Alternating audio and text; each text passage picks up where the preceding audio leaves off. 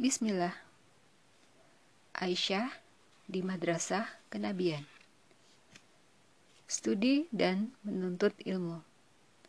Bangsa Arab tidak memiliki tradisi akademis yang bagus. Menuntut ilmu merupakan kegiatan yang kurang disukai oleh kalangan laki-laki, apalagi perempuan. Ketika Islam datang, hanya ada belasan orang yang mampu membaca dan menulis. Salah seorang di antara mereka adalah perempuan, yaitu Syifa binti Abdullah al-Adawiyah. Pengembangan dan penyebaran kemampuan baca tulis adalah salah satu berkah duniawi paling penting yang dibawa oleh Islam. Itulah persembahan berharga dari Islam bagi seluruh umat manusia. Salah satu bukti yang memperlihatkan keseriusan Islam dalam hal itu adalah peristiwa yang terjadi seusai Perang Badar. Ketika Rasulullah Wasallam memerintahkan para tawanan perang yang tidak memiliki harta benda untuk menebus diri mereka dengan mengajarkan kemampuan menulis kepada anak-anak golongan Ansor. Hadis riwayat Ahmad, Baihaqi, dan Hakim.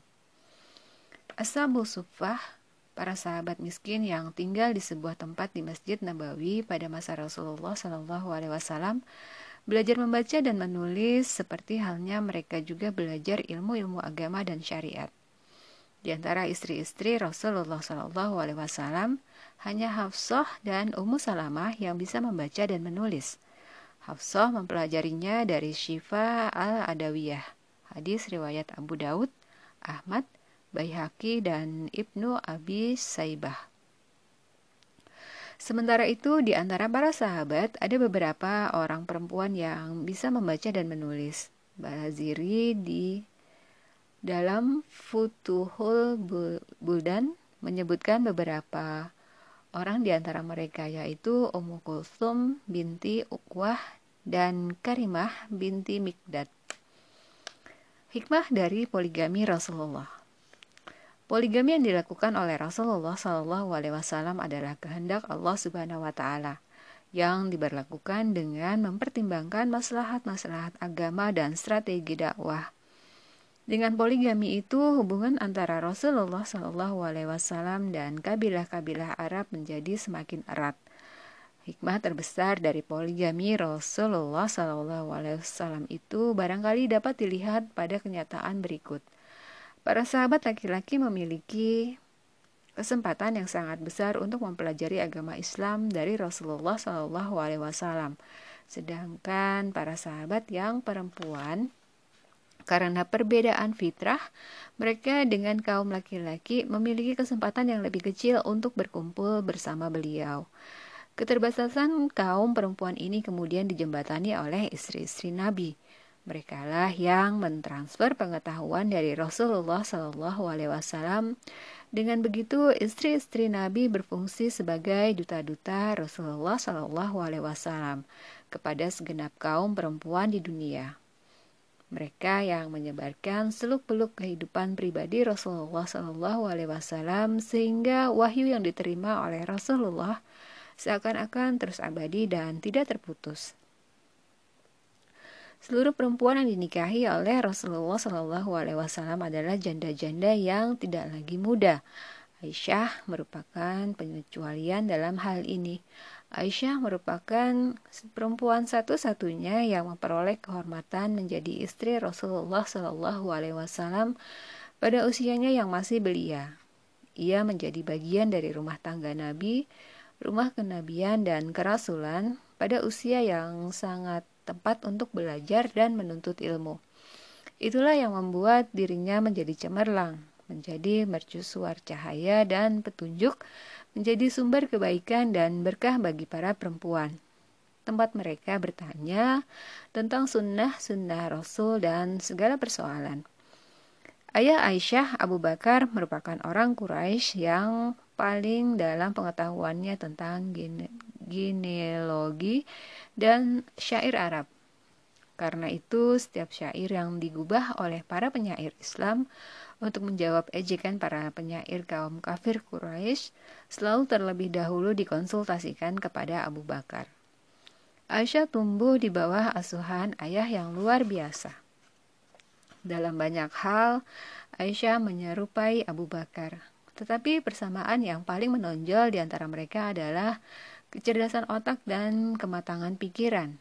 Kecerdasan Aisyah tidak bisa dibilang berada, berada di bawah kecerdasan Abu Bakar. Bahkan bisa dikatakan bahwa Aisyah tidak berada di bawah siapa pun, laki-laki maupun perempuan yang hidup pada masanya dalam hal kecepatan berpikir, kemampuan memahami, serta penguasaan terhadap apa yang berada di dalam pikirannya. Dalam bidang sastra dan genealogi, Aisyah juga belajar dari ayahnya.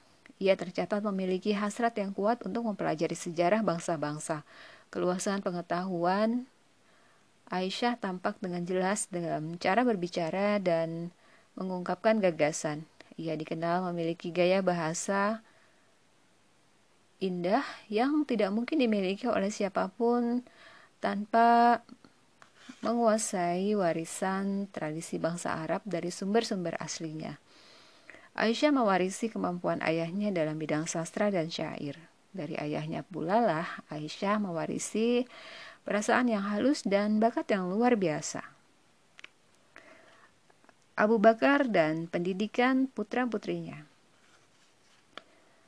Abu Bakar sangat tegas dalam mendidik putra-putrinya.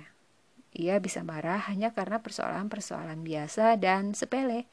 Bahkan hingga setelah menikah, Aisyah tetap sangat takut kepada ayahnya. Abu Bakar tercatat pernah memarahi Aisyah dalam banyak kesempatan.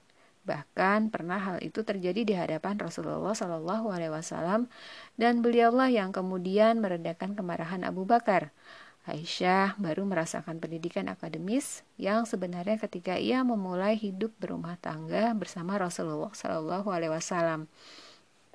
Ia mulai belajar menulis dan membaca, termasuk membaca Al-Quran. Dalam riwayat lain disebutkan bahwa Aisyah sama sekali tidak bisa menulis. Balaziri di dalam Futuhul Buldan menyatakan sebuah riwayat dari Aisyah yang menyatakan bahwa dirinya hanya bisa membaca mushaf Al-Quran dan tidak bisa menulis. Beberapa hadis yang diriwayatkan oleh Muslim, Tirmizi, Nasai, dan Abu Daud menjelaskan bahwa yang menulis mushaf untuk Aisyah adalah pelayannya yaitu bernama Zakwan. Tampaknya Aisyah memang tidak dapat menulis, tetapi ada beberapa riwayat lain yang menegaskan bahwa Aisyah membalas surat-surat yang ditujukan kepadanya. Ahmad meriwayatkan bahwa Aisyah pernah menulis surat kepada Muawiyah. Barangkali yang dimaksud oleh riwayat itu adalah bahwa Aisyah, memer Aisyah memerintahkan orang lain untuk menuliskan surat seperti yang biasa dilakukan oleh orang-orang Arab pada masa itu. Di luar semua itu, kemampuan menulis dan membaca sebetulnya merupakan bagian dari pembelajaran yang bersifat lahiriah. Ada dimensi pembelajaran lain yang lebih esensial, seperti penyempurnaan kemanusiaan, pemurnian akhlak, pengetahuan tentang prinsip-prinsip agama dan rahasia-rahasia syariat, pengertian tentang hukum-hukum dan maslahat-maslahat keagamaan, serta ilmu tentang Al-Quran dan As-Sunnah. Pembelajaran dalam hal-hal itu tentu saja lebih tinggi derajatnya daripada pembelajaran yang sifatnya lahiriah. Dan setiap orang dituntut untuk mengerahkan segala kemampuan dalam mempelajari hal-hal tersebut. Aisyah diberkahi dengan kesempatan dan kemampuan yang sangat besar dalam mempelajari ilmu-ilmu yang esensial itu. Tidak saja dalam ilmu-ilmu agama, Aisyah juga menguasai ilmu-ilmu sejarah, pengobatan, dan sastra. Urwa pernah menyatakan, tidak pernah kulihat seseorang yang pengetahuannya melebihi Aisyah, Ummul Mukminin dalam hal halal haram, ilmu pengetahuan, syair, dan pengobatan. Hadis riwayat Hakim. Urwah pernah berkata pada Aisyah, Aku tidak heran melihat kemampuanmu dalam memahami agama, karena engkau adalah istri Rasulullah Shallallahu Alaihi Wasallam dan putri Abu Bakar. Aku juga tidak heran melihat pengetahuanmu yang mendalam di bidang syair dan sejarah bangsa Arab, karena engkau adalah putri Abu Bakar, orang yang paling luas pengetahuannya tentang hal itu. Hadis riwayat Ahmad. Ilmu ilmu pengobatan yang dipelajari Aisyah dari utusan-utusan kabilah Arab yang berniat untuk mengobati Rasulullah Shallallahu Alaihi Wasallam ketika beliau menderita sakit menjelang wafat. Suatu hari Urwah bertanya kepada Aisyah, Aku heran melihat engkau menguasai ilmu pengobatan. Dari mana engkau mempelajarinya? Aisyah menjawab, Wahai Urwah, ketika Rasulullah Wasallam menderita sakit di akhir hayat beliau, banyak utusan dari kabilah-kabilah Arab yang datang dan memberikan resep pengobatan untuk beliau. Akulah yang kemudian membuat resep itu dan dari sana aku belajar. Hadis riwayat Ahmad. Aisyah meminta penjelasan kepada Rasulullah. Tidak ada waktu atau jam pelajaran tertentu bagi Aisyah untuk belajar. Ia tinggal bersama Rasulullah Shallallahu Alaihi Wasallam dan memiliki kesempatan untuk menemani beliau sepanjang siang dan malam. Selain itu, majelis-majelis ilmu dan dakwah selalu diadakan di Masjid Nabawi setiap hari, sementara kamar Aisyah berdempetan dengan masjid. Setiap kali ada persoalan yang tidak dipahami atau tidak ia dengar dengan baik, Aisyah selalu menanyakannya kepada Rasulullah Shallallahu Alaihi Wasallam di rumah. Dalam beberapa kesempatan, Aisyah berusaha mendekat ke masjid agar ia dapat menyimak dengan jelas pelajaran yang disampaikan oleh Rasulullah Shallallahu Alaihi Wasallam. Dan sehari dalam dan sehari dalam seminggu, Rasulullah selalu menyempatkan diri untuk mengajar kaum perempuan. Dengan begitu, Aisyah memiliki banyak kesempatan untuk mempelajari sunnah-sunnah Rasulullah Shallallahu Alaihi Wasallam tentang banyak hal di berbagai bidang pengetahuan. Aisyah memiliki rasa ingin tahu yang sangat besar. Ia terkenal suka mengajukan pertanyaan dan tidak pernah merasa puas sebelum persoalan terselesaikan. Ia melacak setiap hal hingga ke bagian-bagian yang paling mendetail. Suatu hari Rasulullah Shallallahu Alaihi Wasallam bersabda, Barang siapa dihisap, maka ia akan disiksa. Mendengar sabda Rasulullah itu, Aisyah bertanya, Bukankah Allah Subhanahu wa Ta'ala telah berfirman, maka dia akan diperiksa dengan pemeriksaan yang mudah? Quran Surat Al-Insiqaq ayat 8.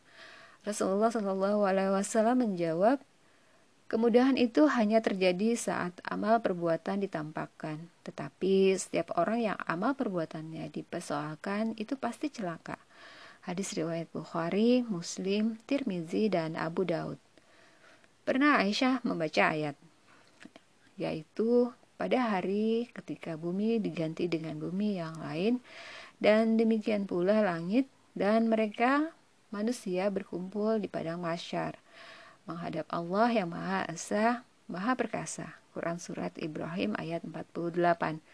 Dalam riwayat lain, Aisyah membaca ayat, padahal bumi seluruhnya dalam penggenggaman genggamannya pada hari kiamat dan langit digulung dengan tangan kanannya. Quran Surat Al-Jumar ayat 67. Aisyah kemudian bertanya, di manakah para manusia saat itu, wahai Rasulullah? Di atas sirat, jawab beliau. Hadis riwayat Muslim, Tirmizi, Ahmad, Ibnu Majah, dan Darimi.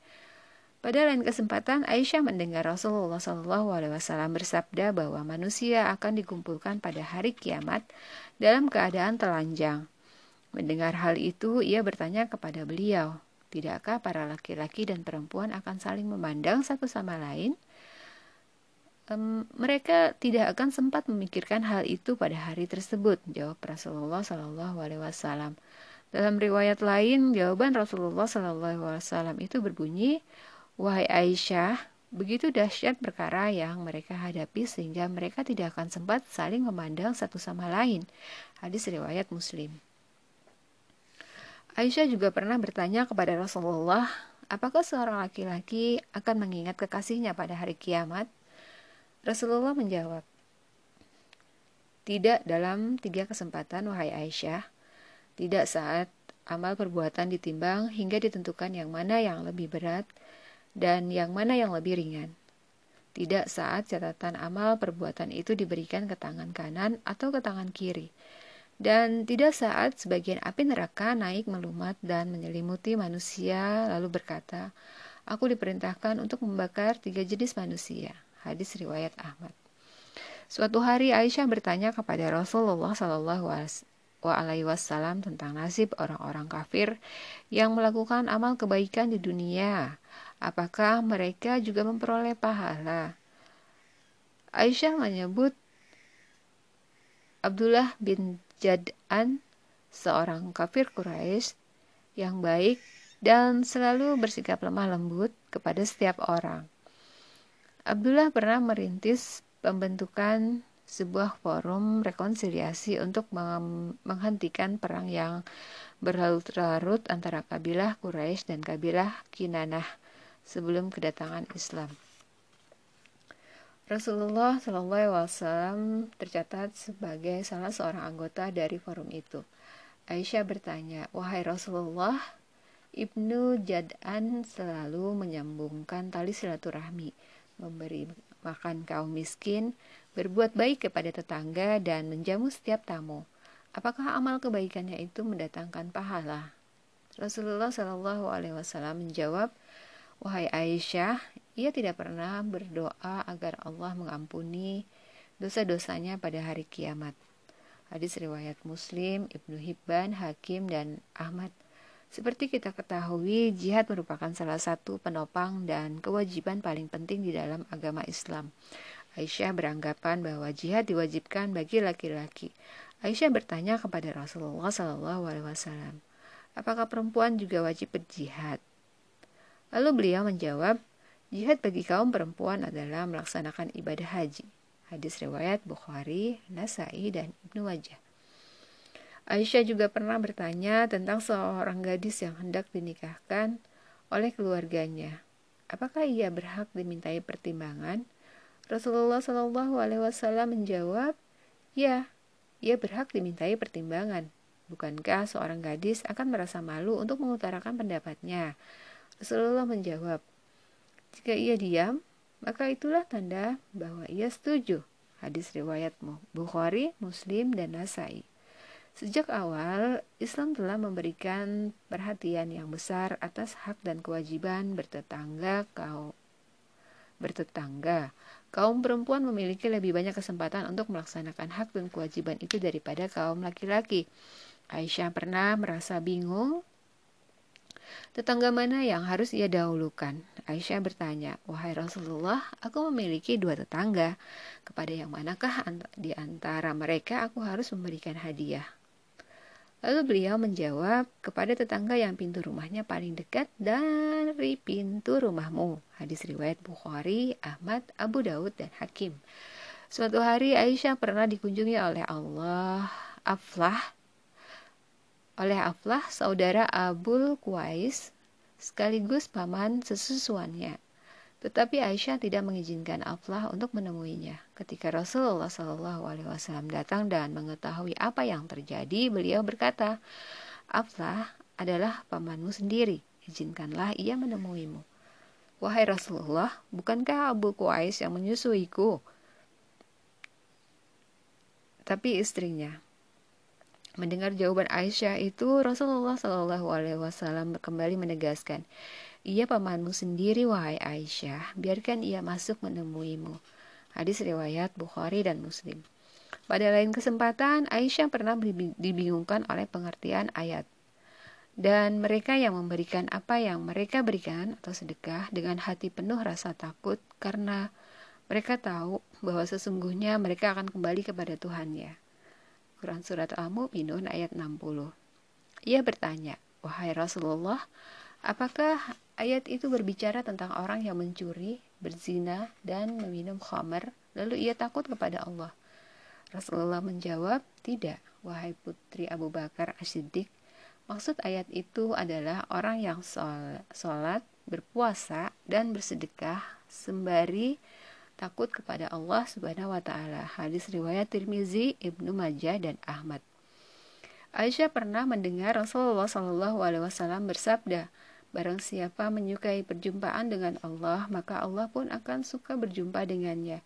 Dan barang siapa membenci perjumpaan dengan Allah, maka Allah pun tidak akan suka berjumpa dengannya. Mendengar sabda itu, Aisyah bertanya dengan heran, Wahai Rasulullah, bukankah semua orang membenci kematian? Beliau menjawab, bukan begitu maksudnya.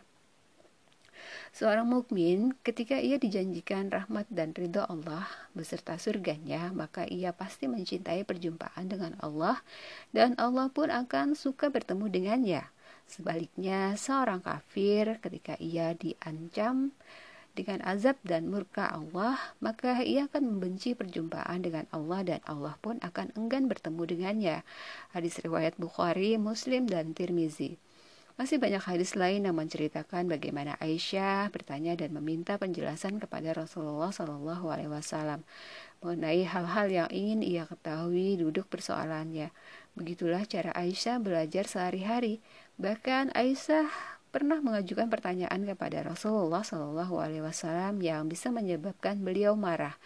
Tetapi rasa cinta dan sayang Rasulullah Shallallahu Alaihi Wasallam kepada Aisyah membuat beliau tidak pernah merasa jengkel menghadapi pertanyaan-pertanyaan itu.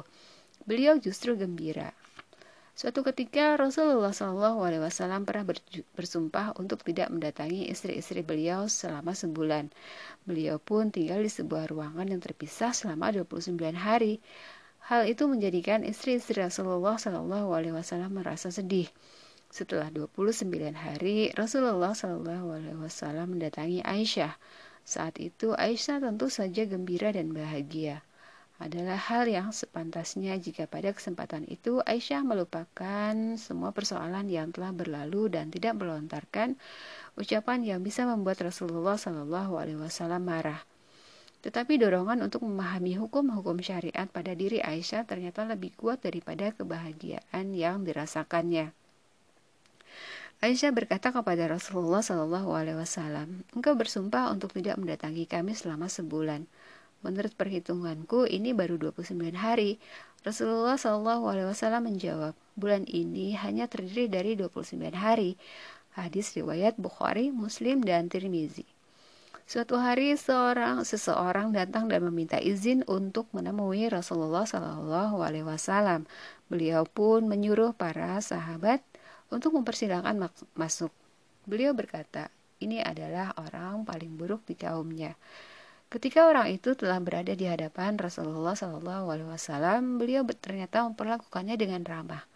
Aisyah merasa heran dengan perubahan sikap Rasulullah itu. Ketika orang tadi telah pergi, ia bertanya, Wahai Rasulullah, engkau telah mengatakan apa yang kau katakan tadi. Lalu mengapa engkau bersikap ramah kepadanya? Beliau menjawab, "Wahai Aisyah, manusia yang paling jelek adalah yang ditinggalkan oleh orang-orang karena mereka takut terhadap ucapannya yang buruk." Hadis riwayat Bukhari, Muslim, Tirmizi, dan Abu Daud. Rasulullah Shallallahu Alaihi Wasallam memiliki sifat sangat berhati-hati dalam menerima pemberian orang-orang Arab Baduy karena mereka tidak terlalu memperhatikan kebersihan dan serta kesucian makanan dan minuman mereka. Orang-orang Arab Baduy juga kurang memahami syariat dan prinsip-prinsip Islam. Suatu hari, Ummu Sunbullah mendatangi kediaman Rasulullah Wasallam dengan membawa susu, tetapi beliau sedang tidak ada. Aisyah menemui Ummu Sunbullah dan berkata, Rasulullah Wasallam melarang kami mengonsumsi makanan dari orang-orang Arab Baduy. Tak lama kemudian Rasulullah Wasallam datang bersama Abu Bakar, Beliau bertanya, Apa yang kau bawa, wahai Ummu Sumbulah? Susu yang hendak kuberikan padamu, wahai Rasulullah. Tuangkan susu itu, wahai Ummu Sumbulah, dan berikan kepada Abu Bakar. Ummu Sumbulah pun melakukannya. Tuangkan lagi, wahai Ummu Sumbulah. Ummu Sumbulah menuangkan susu itu sekali lagi dan memberikannya kepada Rasulullah. Beliau pun meminumnya. Melihat hal itu, Aisyah bertanya, Wahai Rasulullah, bukankah engkau pernah melarang kami untuk mengonsumsi makanan orang-orang Arab Baduy? Rasulullah menjawab, Wahai Aisyah, mereka bukanlah orang-orang Arab Baduy. Mereka adalah orang-orang dusun bagi kita dan kita adalah orang-orang kota bagi mereka. Dan jika mereka kita panggil, mereka pasti hadir. Maka mereka bukanlah orang-orang Baduy. Hadis riwayat Hakim. Maksud sabda Rasulullah di atas adalah bahwa mereka memahami hukum syariat dan selalu siap membantu perjuangan menegakkan agama Islam. Dengan begitu, mereka bukanlah orang-orang Arab Baduy yang memakanannya sebaiknya dihindari. Suatu ketika Aisyah pernah mendengar Rasulullah Shallallahu Alaihi Wasallam bersabda, lakukanlah amal kebaikan secara istiqomah, jangan berlebihan dan jangan pula kurang, dan bergembiralah, sungguh amal kebaikan tidak akan memasukkan pelakunya ke dalam surga. Aisyah mengira bahwa para nabi yang maksum dikecualikan dari kaidah di atas. Aisyah mengira bahwa mereka akan masuk surga karena amal perbuatan mereka. Maka ia bertanya, apa tidak juga engkau, wahai Rasulullah? Beliau menjawab, tidak juga aku, hanya saja Allah melimpahkan ampunan dan rahmat kepadaku. Hadis riwayat Bukhari dan Muslim. Suatu malam, Aisyah melihat Rasulullah Shallallahu Alaihi Wasallam beranjak hendak tidur sebelum beliau melaksanakan sholat witir. Maka Aisyah bertanya, wahai Rasulullah, engkau akan tidur sebelum melakukan sholat witir? Beliau menjawab, wahai Aisyah, meski kedua mataku tidur, tetapi hatiku tidak tidur. Hadis riwayat Bukhari dan Muslim. Orang-orang yang tidak memahami dan memikirkan persoalan ini secara mendalam akan menganggap bahwa Aisyah telah berlaku kurang ajar kepada Rasulullah Shallallahu Alaihi Wasallam. Tetapi semua orang sepakat bahwa tanpa keberanian Aisyah untuk mempertanyakan banyak hal yang ingin ia ketahui, tidaklah mungkin bagi umat Islam untuk mendalami hakikat kenabian. Di samping itu, ada satu hal yang penting yang harus diperhatikan. Kisah-kisah di atas menunjukkan betapa Rasulullah SAW terus mengawasi setiap gerakan dan perbuatan Aisyah, memperhatikannya dengan teliti, menegurnya ketika salah, serta mendidik dan mengajarnya dengan penuh perhatian. Secara perlahan, beliau membimbing Aisyah agar ia mampu menanggung beban berat yang harus dipikul oleh seorang istri Nabi dan duta pertama Rasulullah kepada kaum perempuan. Suatu hari sekelompok orang Yahudi mendatangi Rasulullah Shallallahu Alaihi Wasallam dan berkata, Assalamualaikum, semoga kemati kematian menimpamu. Beliau hanya menjawab, Waalaikum, semoga itu pula yang akan menimpa kalian. Akan tetapi Aisyah tidak bisa menahan kemarahan. Ia berkata, Walaikumussalam walanah. Semoga kematian dan walaknah. Semoga kematian dan laknat menimpa kalian. Mendengar jawaban Aisyah itu Rasulullah menegurnya. Perlahan, wahai Aisyah, sungguh Allah menyukai sikap lemah lembut dan setiap, dalam setiap persoalan. Hadis riwayat Bukhari, Muslim, dan Tirmizi. Pernah pula Aisyah kehilangan sesuatu. Ia pun berdoa agar orang yang mencurinya celaka. Maka Rasulullah Shallallahu Alaihi Wasallam berkata padanya, jangan kau ringankan dosanya dengan doa burukmu itu. Hadis riwayat Ahmad, Abu Daud, Nasai dan Tabrani. Suatu hari Aisyah hendak melakukan perjalanan bersama Rasulullah Shallallahu Alaihi Wasallam. Tiba-tiba Aisyah melaknat unta yang ditungganginya. Maka Rasulullah Shallallahu Alaihi Wasallam memerintahkan agar unta itu dikembalikan. Beliau berkata, Aku tidak ingin melakukan perjalanan bersama sesuatu yang terlaknat. Hadis riwayat Ahmad dan Haisami adalah sebuah kenyataan yang mudah dilihat bahwa kebanyakan manusia, khususnya perempuan, terbiasa meremehkan dosa-dosa kecil. Rasulullah Shallallahu Alaihi Wasallam pun menyadari betapa berbahayanya hal itu. Rasulullah Shallallahu Alaihi Wasallam berpesan kepada Aisyah, wahai Aisyah, Hindarilah dosa-dosa kecil karena ia pun akan dituntut di hadapan Allah Subhanahu wa taala. Hadis riwayat Ahmad, Darimi dan Tabrani. Suatu saat di hadapan Rasulullah Shallallahu Alaihi Wasallam, Aisyah pernah menggambarkan postur tubuh seorang perempuan yang pendek. Maka beliau menegurnya dan menyatakan bahwa hal itu termasuk gibah. Hadis riwayat Ahmad dan Baihaqi. Ummul Mukminin Syafiyah radhiyallahu anha merupakan seorang perempuan yang berpostur tubuh pendek. Aisyah pernah memberi isyarat dengan tangannya untuk menunjukkan postur tubuh Syafiyah yang pendek itu. Maka Rasulullah Shallallahu Alaihi Wasallam bersabda, engkau telah melontarkan sebuah kata yang jika kata itu dicampurkan ke dalam air laut, maka ia akan menyebabkan seluruh lautan menjadi keruh. Aisyah berkata, wahai Rasulullah, aku hanya mencoba menggambarkan bentuk tubuh seorang seseorang kepadamu. Rasulullah Shallallahu Alaihi Wasallam menjawab, Aku tidak suka menggambarkan sifat seseorang sementara di dalam diriku terdapat sesuatu. Hadis riwayat Tirmizi, Abu Daud, dan Ahmad. Suatu hari seorang laki-laki miskin mendatangi Aisyah. Aisyah pun memberikan memberinya sedekah. Lalu Aisyah memanggil Bariroh dan menyuruhnya untuk memperhatikan laki-laki itu. Rasulullah Shallallahu Alaihi Wasallam berkata kepada Aisyah, Jangan kau berhitung dalam memberikan sedekah, sehingga Allah pun tidak akan berhitung dalam memberikan rezeki kepadamu. Hadis riwayat Nasai, Ahmad, Ibnu Hibban, dan Haisami. Pada kesempatan lain, Rasulullah Shallallahu Alaihi Wasallam bersabda, Wahai Aisyah, berlindunglah dari api neraka meski hanya dengan menyedekahkan separuh biji kurma. Sungguh, separuh biji kurma itu mengisi perut orang yang lapar seperti ia mengisi perut orang yang kenyang. Hadis riwayat Ahmad dan Munzir, Munziri. Aisyah pernah mendengar Rasulullah Shallallahu Alaihi Wasallam berdoa, Ya Allah, Jadikanlah aku hidup sebagai seorang yang miskin, cabutlah nyawaku dalam keadaan miskin, lalu kumpulkanlah aku pada kiamat nanti bersama kelompok orang-orang yang miskin.